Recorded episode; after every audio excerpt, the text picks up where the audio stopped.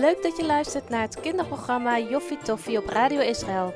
Dus ga maar even lekker voor zitten en luister naar wat Mirjam te vertellen heeft. Goedemiddag, lieve kleine mensen en grote mensen. Wat leuk dat je luistert naar een nieuwe aflevering van Joffie Toffie. Vandaag gaan we verder luisteren naar het verhaal van Omri. Maar eerst zal ik weer een stukje uit de Bijbel lezen over de Sabbat. En vandaag ga ik lezen uit Jesaja 58, vers 13 en 14. En ik vind het zo'n fantastisch mooie tekst. Wanneer je je voeten rust gunt op de Sabbat en geen handel drijft op mijn heilige dag, wanneer je de Sabbat als een dag van vreugde ziet, de dag van de Heer als een heilige dag, wanneer jij hem in ere houdt door niet je gang te gaan, geen handel te drijven of zaken te bespreken, dan vind je vreugde in de Heer. Ik zal je laten rijden over de hoogte van de aarde en je laten genieten van het land dat ik je voorvader Jacob in bezit heb gegeven. De Heer heeft gesproken. Nou, dat is een mooie tekst, vind je ook niet? Er staat eigenlijk dat God zegt op de Sabbat moet je je niet druk maken. Dan ga je gewoon lekker zitten met je benen omhoog en geniet je van alles om je heen. Je maakt je geen zorgen meer over alle dingen die je moet doen en die je moet afspreken en die je moet regelen. Maar je geniet van alles wat je al gedaan hebt en vooral ook van alles wat God gedaan heeft voor jou in jouw leven. En als je je niet druk meer maakt, dan wordt de Sabbat een hele blijde en vrolijke dag. En dan staat er: Ik zal je laten rijden over de hoogte van de aarde. En wat zou dat nou wel betekenen? Ik weet ook niet precies wat het betekent, maar ik kan me zoiets voorstellen. Heb jij dat ook wel eens gehad? Dat je denkt van, oh, ik zou wel kunnen willen vliegen, net als een arend, zo zweven over de bergen heen. Dat lijkt me toch zo mooi. Ik denk dat wel eens. En bij deze zin denk ik dat God zoiets bedoelt. Ik zal je rijden over de, laten rijden over de hoogte van de aarde. Dat je kan zien wat God allemaal gemaakt heeft en hoe prachtig mooi alles is. En daar helemaal vrij als een vogel overheen kan vliegen. Zoiets stel ik me erbij voor, maar ik weet natuurlijk niet of het zo is. Wat denk je ervan? Zullen we dat eens gaan proberen, de komende Sabbat, om al onze zorgen bij Jezus te brengen en rust te vinden en vrij te zijn en blij te zijn? Ik ben benieuwd. Zullen we nu verder gaan lezen van het verhaal van Omri? Weet je nog dat Omri vorige week een afspraakje had met zijn vrienden om de zus van Sef, een van zijn vrienden, te laten schrikken. Nou, ik ga nu lezen hoe het verder gaat. Ik ben benieuwd. Maar ondertussen heeft de zus van Sef gezien dat Omri meeging. Ze loopt met haar naar haar moeder en vertelt dat ze denkt dat de jongens haar in de maling willen gaan nemen. Ze was pas erg boos geworden op Sef toen er een slang in de tent was gekomen. Maar eigenlijk wist ze ook wel dat de tent dicht of open ook niet veel had uitgemaakt. Haar reactie was misschien wat overdreven geweest. Ze moest zich nu in ieder geval maar voorbereiden op een of andere grap. Haar moeder kan er de humor wel van inzien. Samen bedenken ze iets om te kunnen reageren, mochten de jongens iets van plan zijn. Het zit de jongens niet mee. Ze lopen nu al een tijdje rond, maar nog steeds geen schorpioen gezien. Laten we deze steen nog eens proberen. Omri staat bij een flink rotsblok. Met z'n vieren moeten ze het misschien wel lukken om een stukje op te tillen. Er klinkt wat gesteun en er wordt nog wat zweet weggeveegd, maar het lukt. Onder de rotsblok komt een schorpioen vandaan. Niet een hele grote, maar dat is ook maar beter. Deze is perfect om iemand te laten schrikken, want deze is ook niet giftig. Na een aantal weken in de woestijn hebben de jongens best wat geleerd over de verschillende dieren. Welke dieren gevaarlijk zijn en welke niet. Omri pakt het bakje dat hij had meegenomen en schuift het beestje erin. De jongens zijn maar wat trots op zichzelf en op de grap die ze bedacht hebben. Ze besluiten om gelijk naar de tent van Sef te gaan, omdat ze gewoon niet kunnen wachten om de zus van Sef te laten schrikken. Ze komen eigenlijk net wat te luidruchtig aan bij de tent. In de tent is zeker te horen geweest dat ze eraan komen. Sef loopt naar binnen met het bakje in zijn hand. Vlak daarachter volgt Omri en de andere jongens. Op het moment dat ze de tent inkomen, springt de zus van de, en de moeder van Sef van achter het tentdoek tevoorschijn. Enorm geschrokken kijken de jongens elkaar aan. Er wordt hard gelachen en eigenlijk moeten de jongens ook wel meelachen. Sef staat een beetje beteuterd met het bakje in zijn hand. Haha, Sef, we zijn teruggepakt nog voor we zelf iets gedaan hebben.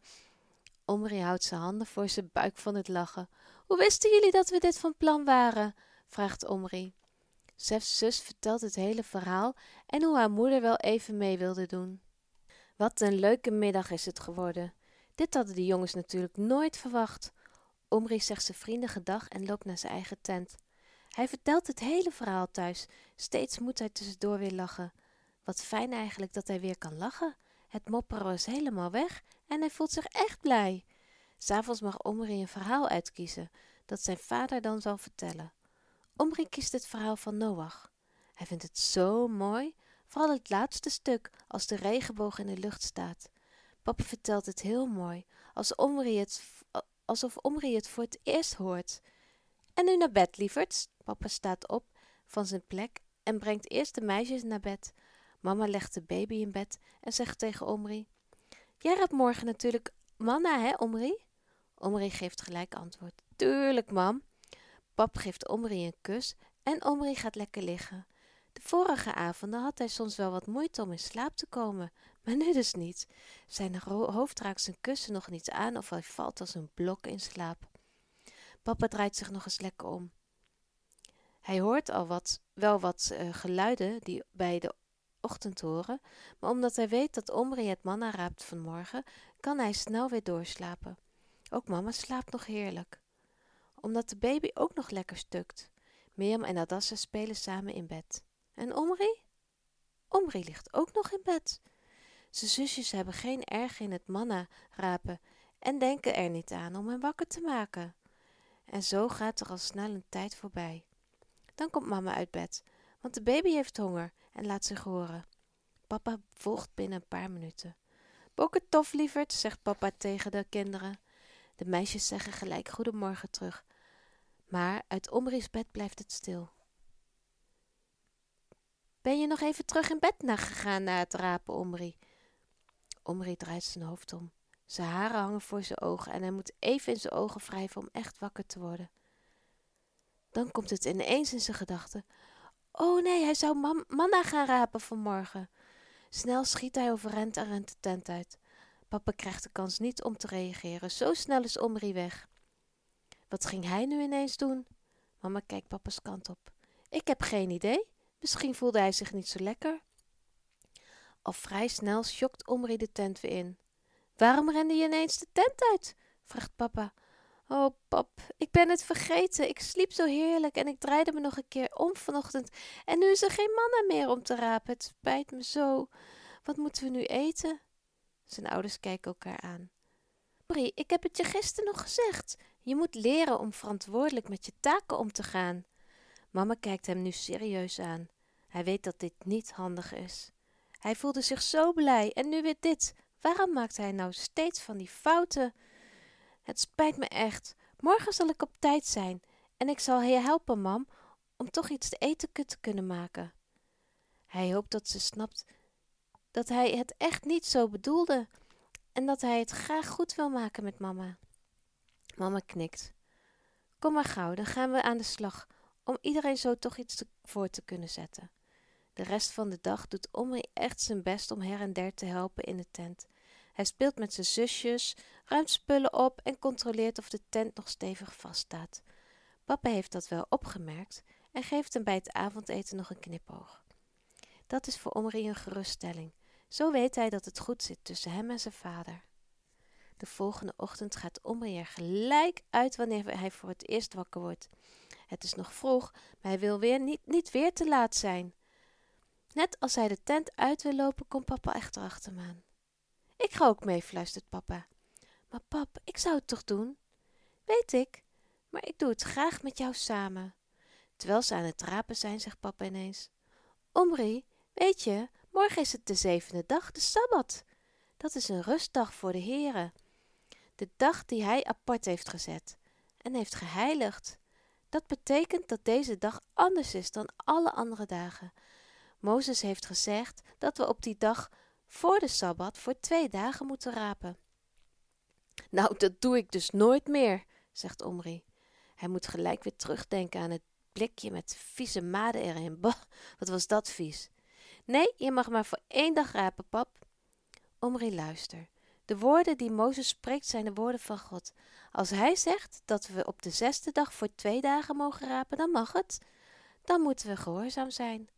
Ondertussen zijn zij alweer bij, de, bij hun tent en geven ze het manna, wat dus dubbel zoveel is als op andere dagen, aan mama.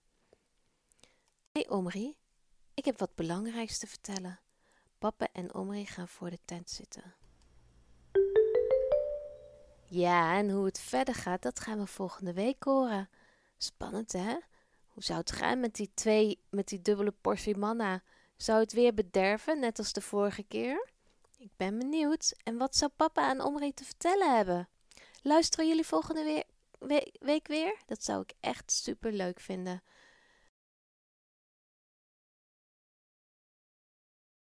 Maar voor nu wens ik jullie een fijne week en een hele rustige, blije sabbat.